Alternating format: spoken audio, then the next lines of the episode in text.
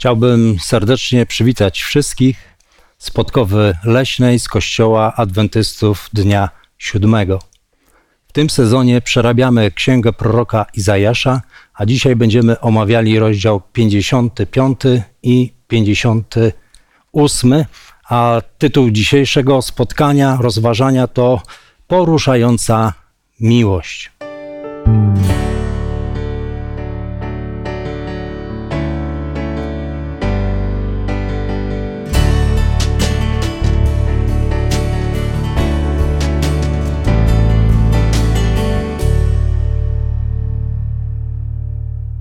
Studio z nami dzisiaj są Janusz, Daniel, Piotr.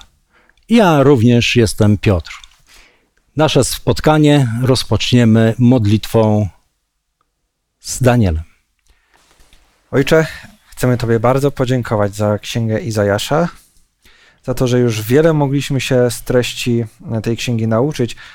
I prosić Ciebie, Panie Boże, też chcemy o to, żebyś na kolejne słowa tej księgi udzielił nam Twojej mądrości, tak abyśmy mogli znaleźć tę poruszającą miłość, którą, o której dzisiaj chcemy rozmawiać. Niech Twój duch będzie naszym nauczycielem, niech wkłada odpowiednie myśli i słowa do naszych serc i ust, tak abyśmy mogli jak największą chwałę Tobie oddać, ale też abyśmy mogli się tym słowem zbudować.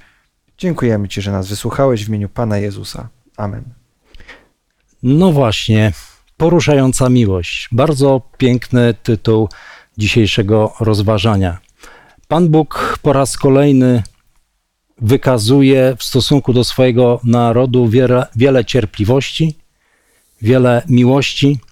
I 55 rozdział rozpoczyna się trzema wierszami w sposób, jak dla mnie, niezwykły. Piotrze, przybliż nam te mhm. trzy pierwsze wiersze.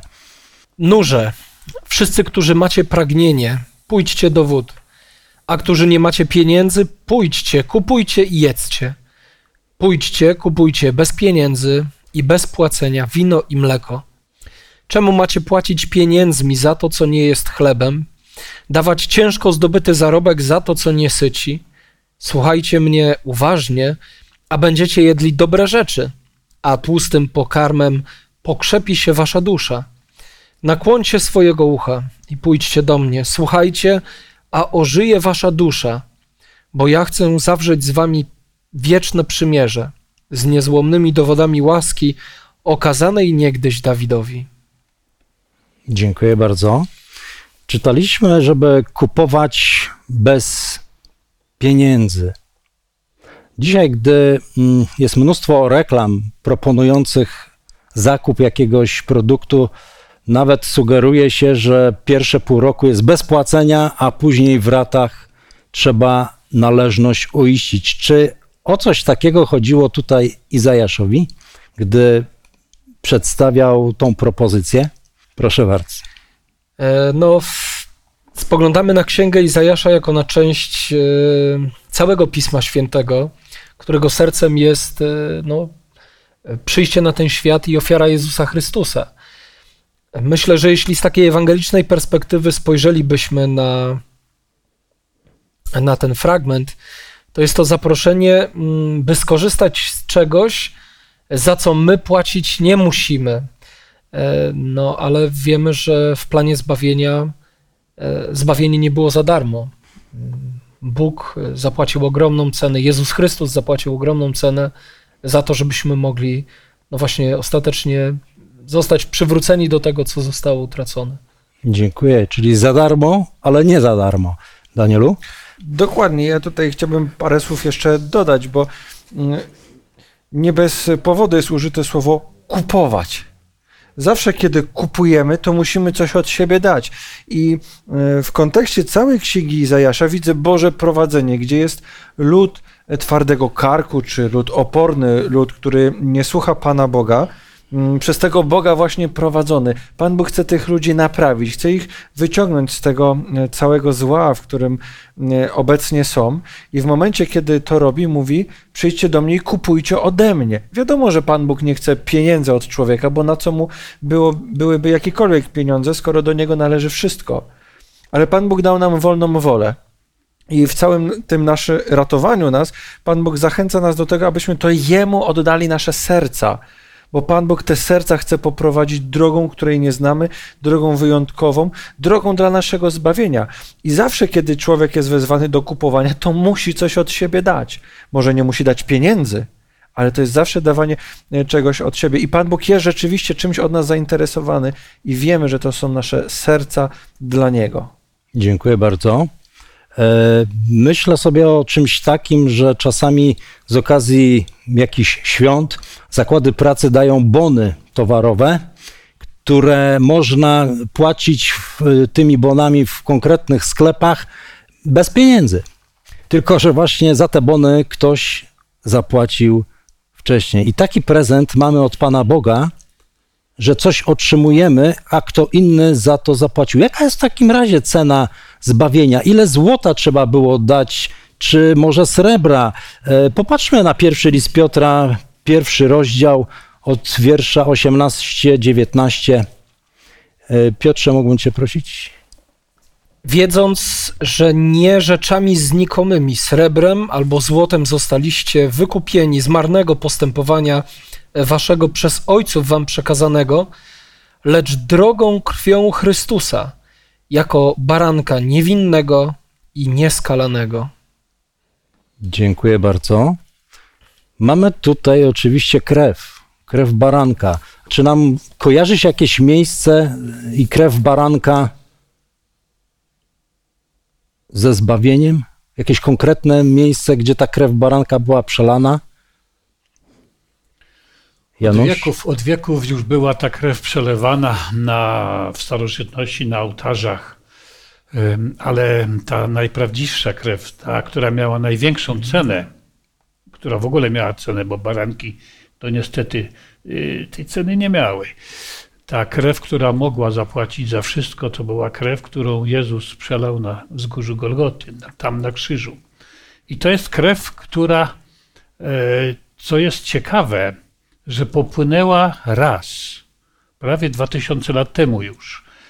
I jest jej na tyle, ma taką wartość, że do dzisiaj jest w stanie zapłacić, pokryć wszystkie długi. Jakiekolwiek by one nie były. To jest wspaniałe, że nie musi ona być pomnażana, powielana, jak to niektórzy uważają, ale wystarczyło raz. Dziękuję bardzo. Czy w takim razie zbawienie można kupić, skoro jest za darmo? I gdy myślę sobie o tym, że dla Boga łatwiej jest dać pięć gór złota, niż przelać krew swojego syna. Bo złoto można wyprodukować, zwłaszcza, że Bóg może wszystko. Natomiast życie swojego syna jest w tym momencie bezcenne. Czy można kupić u Boga za pieniądze e, w, e, zbawienie? I tam e, właśnie drugi rozdział listu do Efezjan. Danielu, mógłbym prosić o przeczytanie? Dokładnie tak. Apostoł Paweł w drugim rozdziale listu do Efezjan w wersecie 8 i 9 doskonale odpowiada na to pytanie. Napisał tak. Albowiem łaską zbawieni jesteście przez wiarę i to nie z was. Boży to dar, nie z uczynków, aby się kto chlubił. Widzę za, zatem, że zbawienia nie da się kupić. To jest dar, to jest prezent, który otrzymujemy. Tak jak czasami, gdy zaprosimy kogoś do siebie albo sami gdzieś do kogoś idziemy, czy z jakiegoś powodu, czy z jakiejś okazji, czy bez okazji, ale niesiemy prezent. Być może nikt się nie spodziewał, ale mamy go tak po prostu z serca, bo Pan Bóg nas ukochał Dlatego mm, obdarował nas tym prezentem, jakim jest zbawienie. I nikt sobie na to zbawienie nie zasłużył. To nie jest z uczynków. Dziękuję bardzo. I w tym momencie, gdzie zbawienie jest za darmo, to jak to zrozumieć, y, czy przyjęcie zbawienia za darmo może kosztować nas wszystko? Takie zdanie, które być może kłóci się samo z sobą, tylko do tego byśmy musieli e, otworzyć list do Filipian 3:8. Januszu, jakbyś przypomniał nam, co jest tam napisane. Lecz więcej jeszcze, wszystko uznaję za szkodę wobec doniosłości, jaką ma poznanie Jezusa Chrystusa, Pana mego, dla którego poniosłem wszelkie szkody i wszystko uznaję za śmiecie, żeby zyskać Chrystusa. Dziękuję. Wszelkie szkody doznał apostoł. Czy Piotrze, chciałbyś do tego nawiązać?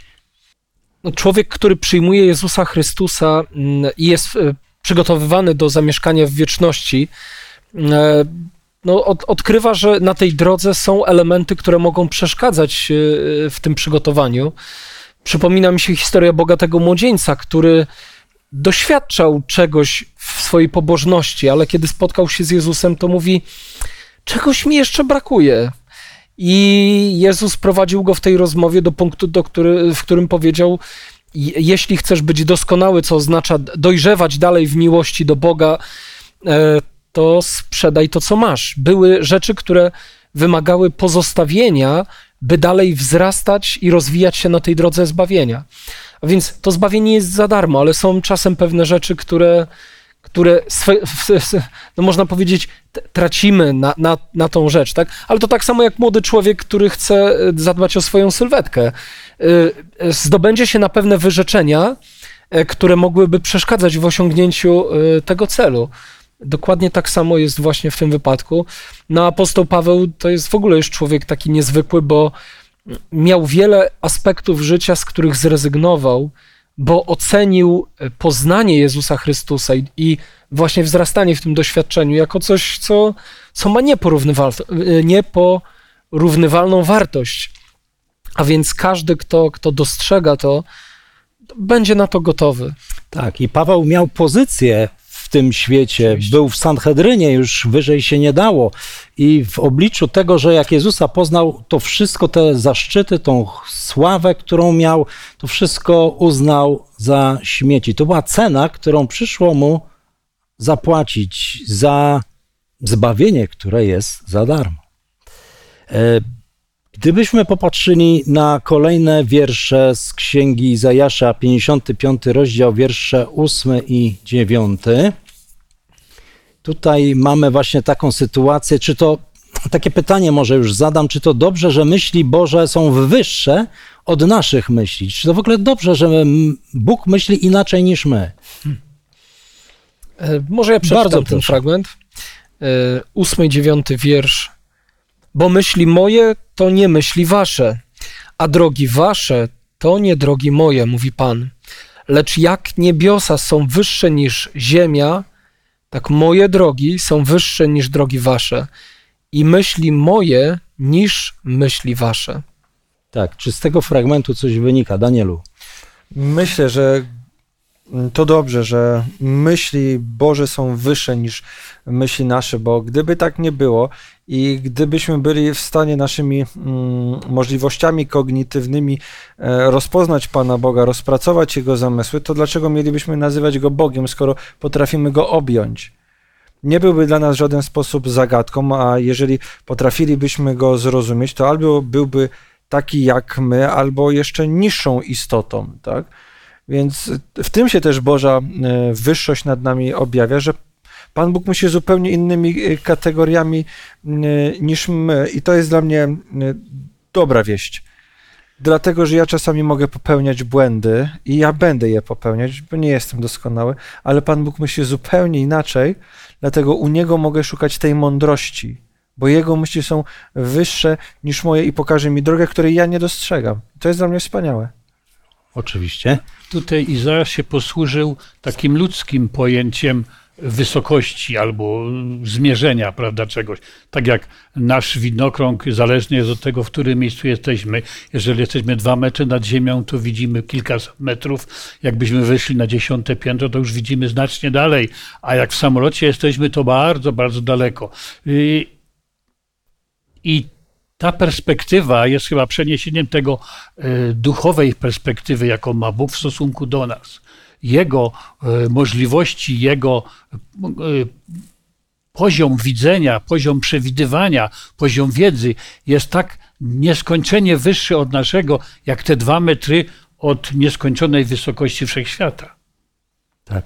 A czy wielkość i wywyższanie się to jest to samo? Piotrze? No właśnie, ja kiedy czy- przeczytałem te słowa, pomyślałem sobie, to wspaniale, że Bóg myśli w sposób wyższy od mojego, bo ja poznając Go i zbliżając się do Niego mogę wzrastać, mogę się rozwijać ze swojego poziomu, prawda? Jakby pojmując jego sposób myślenia, wznosić się gdzieś wyżej. Myślę, że o tym to w ogóle jeszcze będziemy e, zresztą mówili przy 58 rozdziale. Ale zauważa się, że ludzie, którzy obdarzeni są dużą inteligencją, mieli możliwość zdobycia dużej wiedzy, no niestety, często są ludźmi takimi niedostępnymi, a, albo takimi, którzy komunikują się z nami w taki sposób, że czujemy się no, nieco zawstydzeni, czy tacy mniejsi, czy, czy w ogóle nawet nie rozumiemy, o co tak naprawdę im chodzi.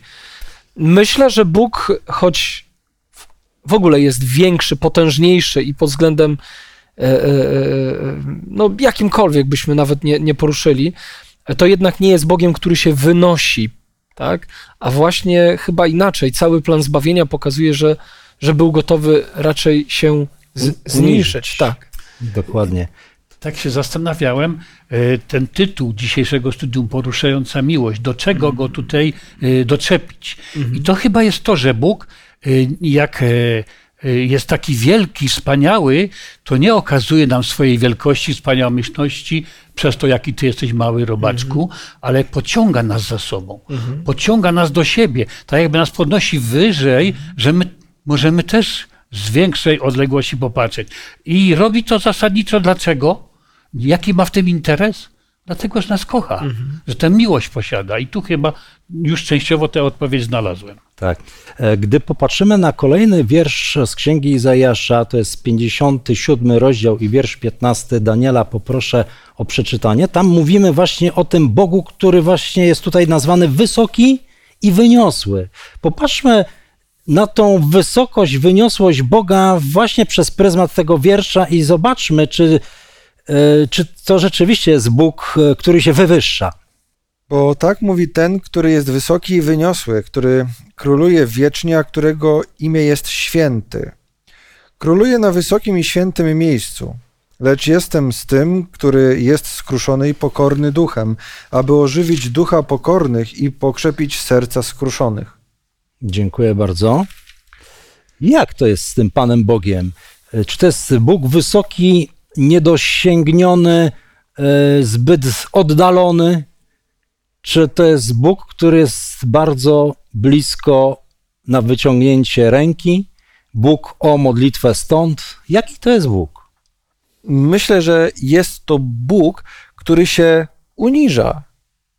Apostoł Paweł w liście do Filipian, czyli do chrześcijan swojego czasu, napisał: Takiego bądźcie względem siebie usposobienia, jakie było w Chrystusie Jezusie, który chociaż był w postaci Bożej, nie upierał się zachłannie przy tym, aby być równym Bogu, lecz wyparł się samego siebie i stał się podobny ludziom i tak dalej, i tak dalej.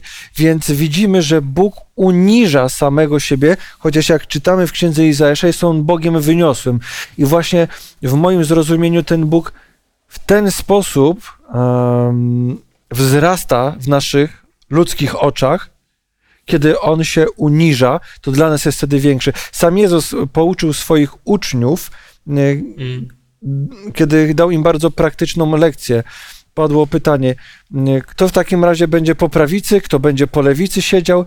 Pan Jezus synów Zebedeusza i pozostałych uczniów naprostował szybko, mówiąc: Jeżeli ktoś między wami chce być największy, niech będzie najmniejszy. Trzeba być sługą. Kto chce być pierwszy, niech będzie ostatni. Właśnie taką postawę sam Bóg sobą reprezentuje. Schodzi i staje się dla nas sługą, i w ten sposób w moich oczach to ten Bóg rośnie. Dziękuję. Czyli można by stwierdzić, że Bóg, który się uniża, wcale nie traci na swojej wielkości, wręcz odwrotnie tą wielkość buduje. Piotrze? No, ja chciałbym to tak sprowadzić do codziennego naszego życia, bo, bo od kilkunastu lat, lat e, no, żyję w małżeństwie, mamy też kilkunastoletnie dzieci. E, zauważam, że gdy im więcej naśladujemy Boga właśnie w tym, że jest chętny, aby się uniżyć, tym piękniejsze jest nasze życie codzienne.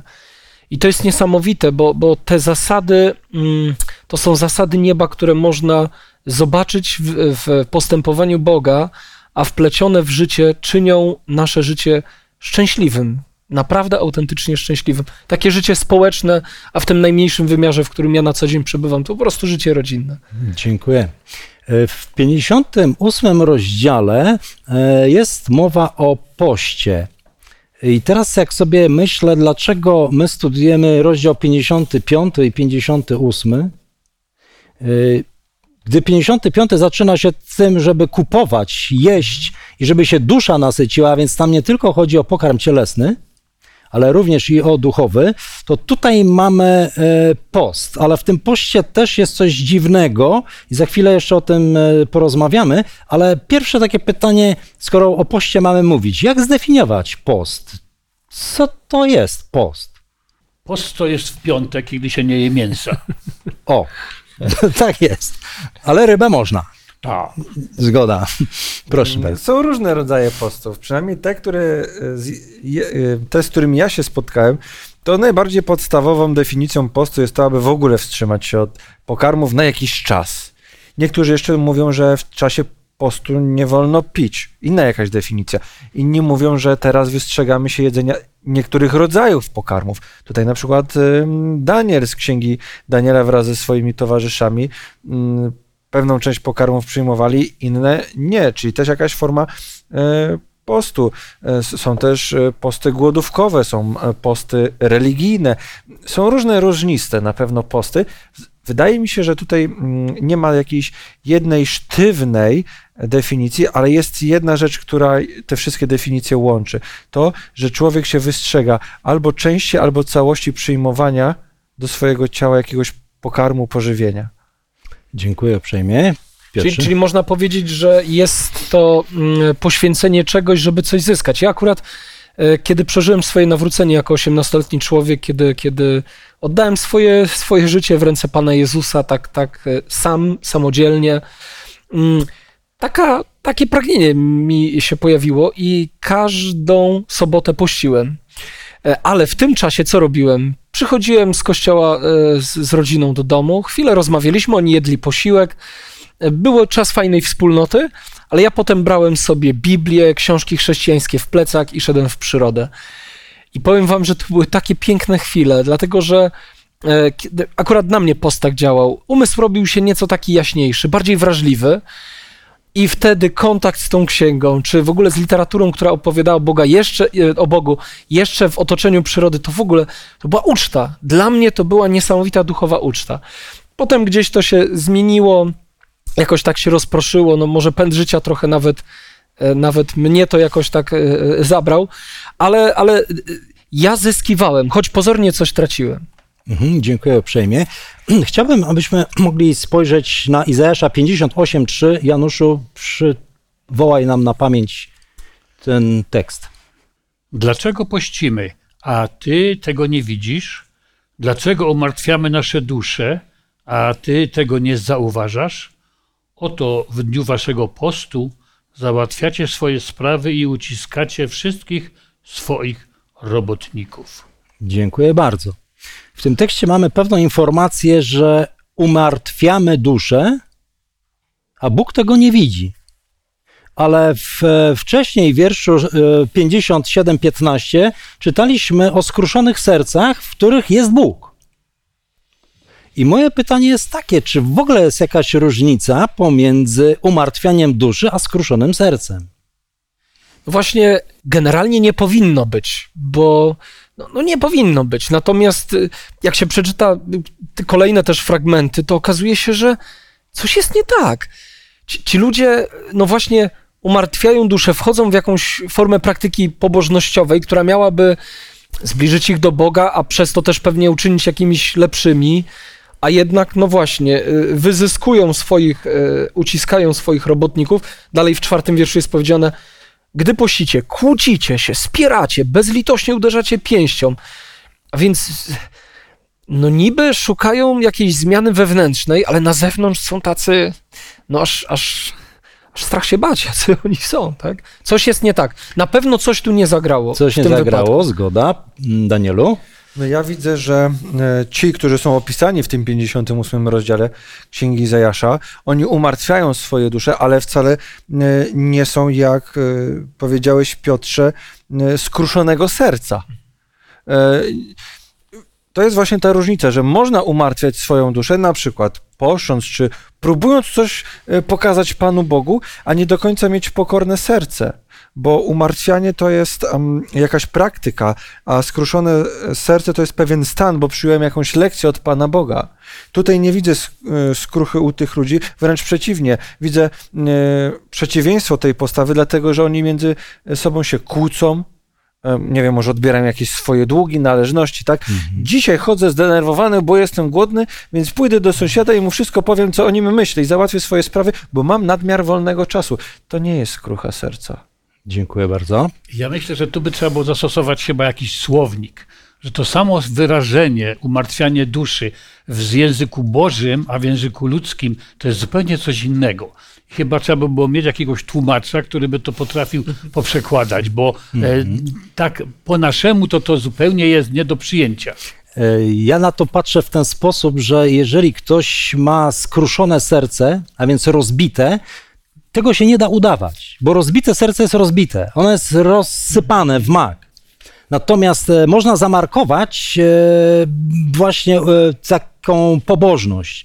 Można zamarkować umartwianie duszy i ono na pozór będzie fajne. Ktoś się popiołem posypie, będzie bił się w piersi, ale z tego nie wynika nic. Natomiast skruszone serce jest rozsypanym sercem nieudawanie rozsypanym. Dlatego tam jest Jezus właśnie obecny w tym e, rozsypanym, skruszonym sercu, natomiast go tutaj w ogóle nie ma, gdy chodzi o e, post, w którym nie ma reakcji zwrotnej w stosunku do drugiego człowieka. E, uciskany jest robotnik, jest załatwianie swoich spraw, a więc tam nie ma oddania się dla Boga w całości, bo ten post jest podzielony trochę dla Boga, ale trochę swoich spraw, trochę jeszcze czegoś tam i zmiany w sercu człowieka nie ma. Gdy popatrzymy dalej na wiersz 10 w 58 rozdziale, e, poproszę kolejną osobę. Gdy głodnemu podasz swój chleb i zaspokoisz pragnienie strapionego, wtedy twoje światło wzejdzie w ciemności, a twój zmierzch będzie jak południe. Dziękuję. Znowuż mamy o jedzeniu, gdy mówimy o poście. To jest jakaś przewrotność. E, Jedzeniem rozpoczynał się 55 rozdział. Kupujcie, jedzcie, nasyćcie się, mm, bądźcie szczęśliwi, bądźcie radośni, zbawienie jest za darmo. Tutaj, mówiąc o poście właściwym, Bóg mówi, gdy nakarmisz. Czy to nie jest jakiś paradoks? Ja w związku z tym e, chciałbym zapytać, kogo łatwiej jest nakarmić? E, głodnego pastora czy osobę bezdomną?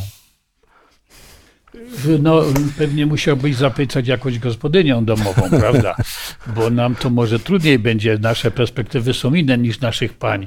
Ale myślę, że faktycznie e, bezdomny się zaspokoi wszystkim, a jak mamy nakarmić pastora, to mamy problem. Co To mu mamy, dać, prawda? To prawda. Ale y, jako pastor muszę powiedzieć, że wystarczą naleśniki, pierogi, nie musi to być kawior, e, nie wiem, łosoś czy coś wykwintnego, bo głód ma do siebie to, że jeżeli go zaspokoimy, już jest dobrze.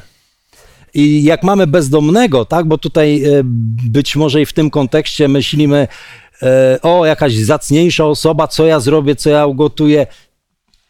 Nawet kasza okraszona cebulką może wyśmienicie smakować, jeżeli człowiek jest naprawdę głodny. Piotrze? Jeszcze bym chciał zwrócić uwagę na to właśnie poruszająca miłość. Przeczytałem kiedyś księgę Hioba, a potem jadąc samochodem próbowałem opowiedzieć swoim córkom o Hiobie i się normalnie rozpłakałem. Bo Hiob jest człowiekiem, który, o którym jest powiedziane w pewnym momencie, że był oczyma dla ślepego i nogami dla chromego. I ja byłem tak poruszony. I zobaczcie, że to, czego Bóg wzywa, do czego Bóg wzywa w, w kontekście prawdziwego postu, do aktów miłości, miłosierdzia.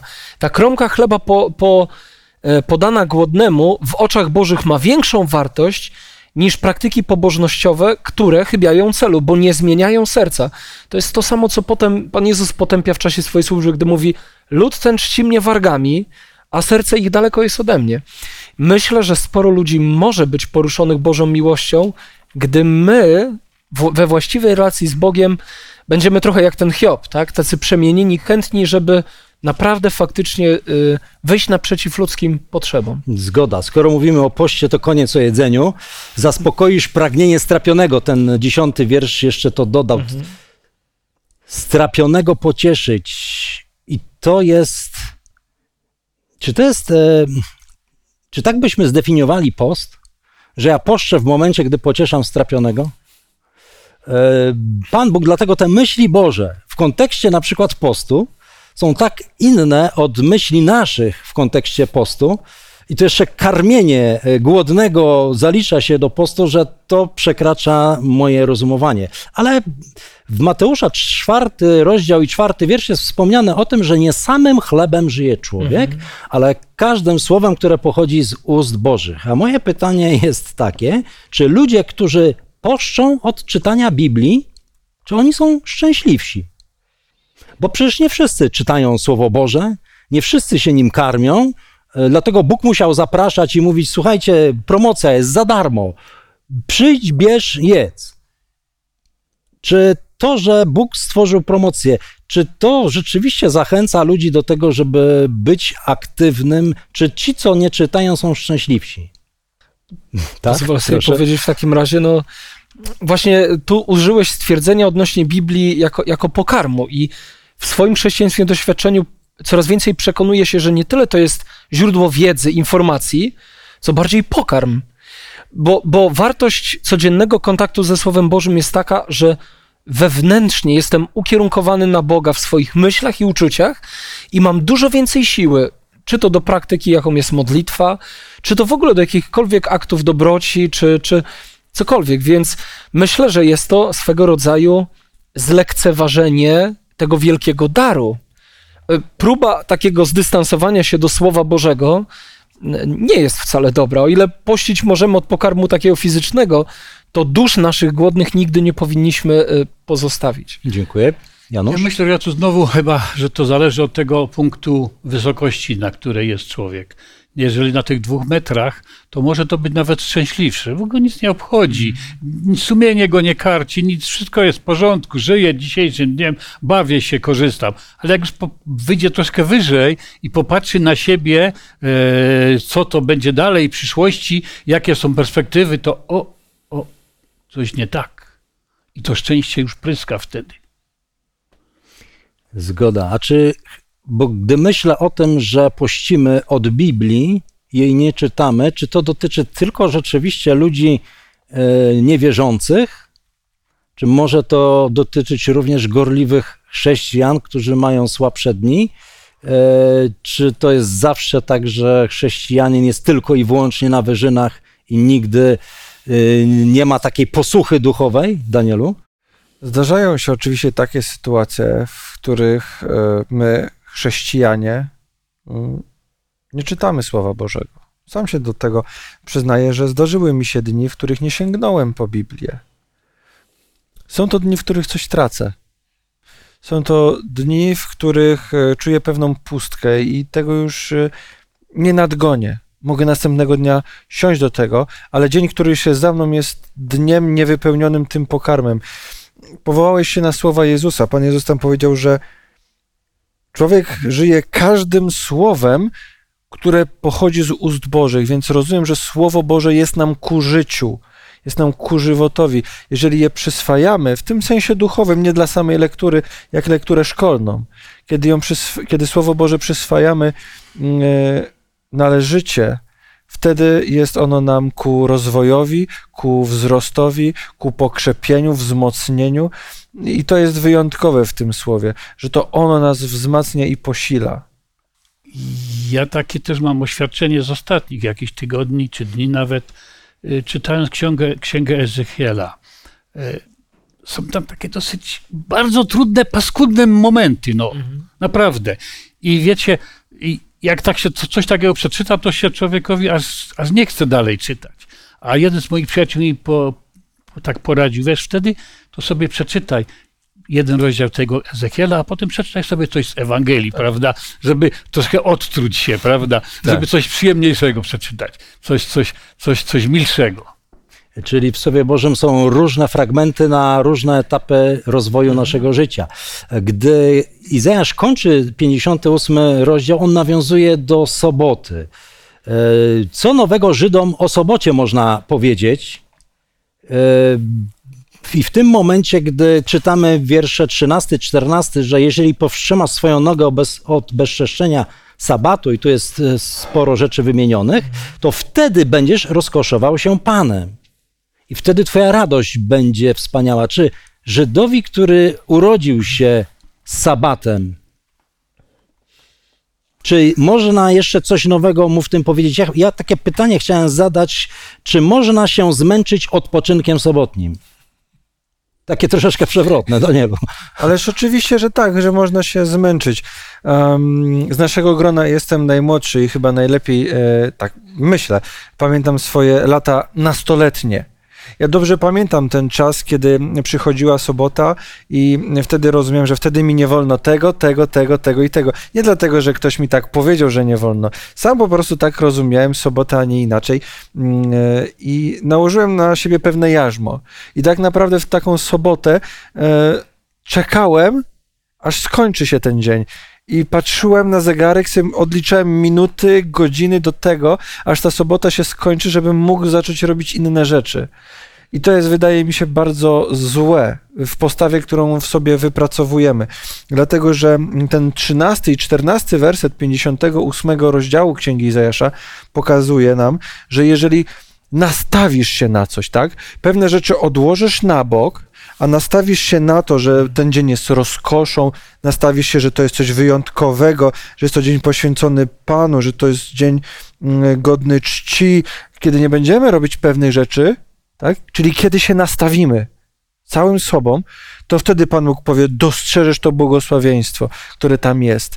To nie jest tak, że to błogosławieństwo jest samo w sobie. Nastaw się na nie, na otrzymanie go, a wtedy ono przyjdzie. I kiedy zastosowałem to w swoim życiu i przestałem patrzeć na sobotę z perspektywy, ile czasu mi zostało, czego mi nie wolno, a na to, że to jest wyjątkowy czas w tygodniu, że mogę wtedy zająć się innymi sprawami. Normalnie sobota zaczęła inaczej wyglądać i inaczej zacząłem ją spędzać. I dla mnie, ja czekam teraz cały tydzień na sobotę. Amen. E, Piotr Janusz. Tak. Więc y, moja mama często w życiu mi mówiła, gdy robiłem coś na odwrót, że robię to po hebrajsku. I ja kiedyś na ten tekst popatrzyłem tak na odwrót i zobaczyłem takie rzeczy. Czternasty wiersz. Bo od trzynastego to się wchodzi przez to, czego nie robimy. Tak? A w czternasty, kiedy wejdziemy od dołu tekstu, to jest tak. Usta Pana coś przyrzekły. Co przyrzekły? Że nakarmi cię, w ten sposób wzniesiesz się ponad wyżyny ziemi i będziesz się rozkoszował Panem.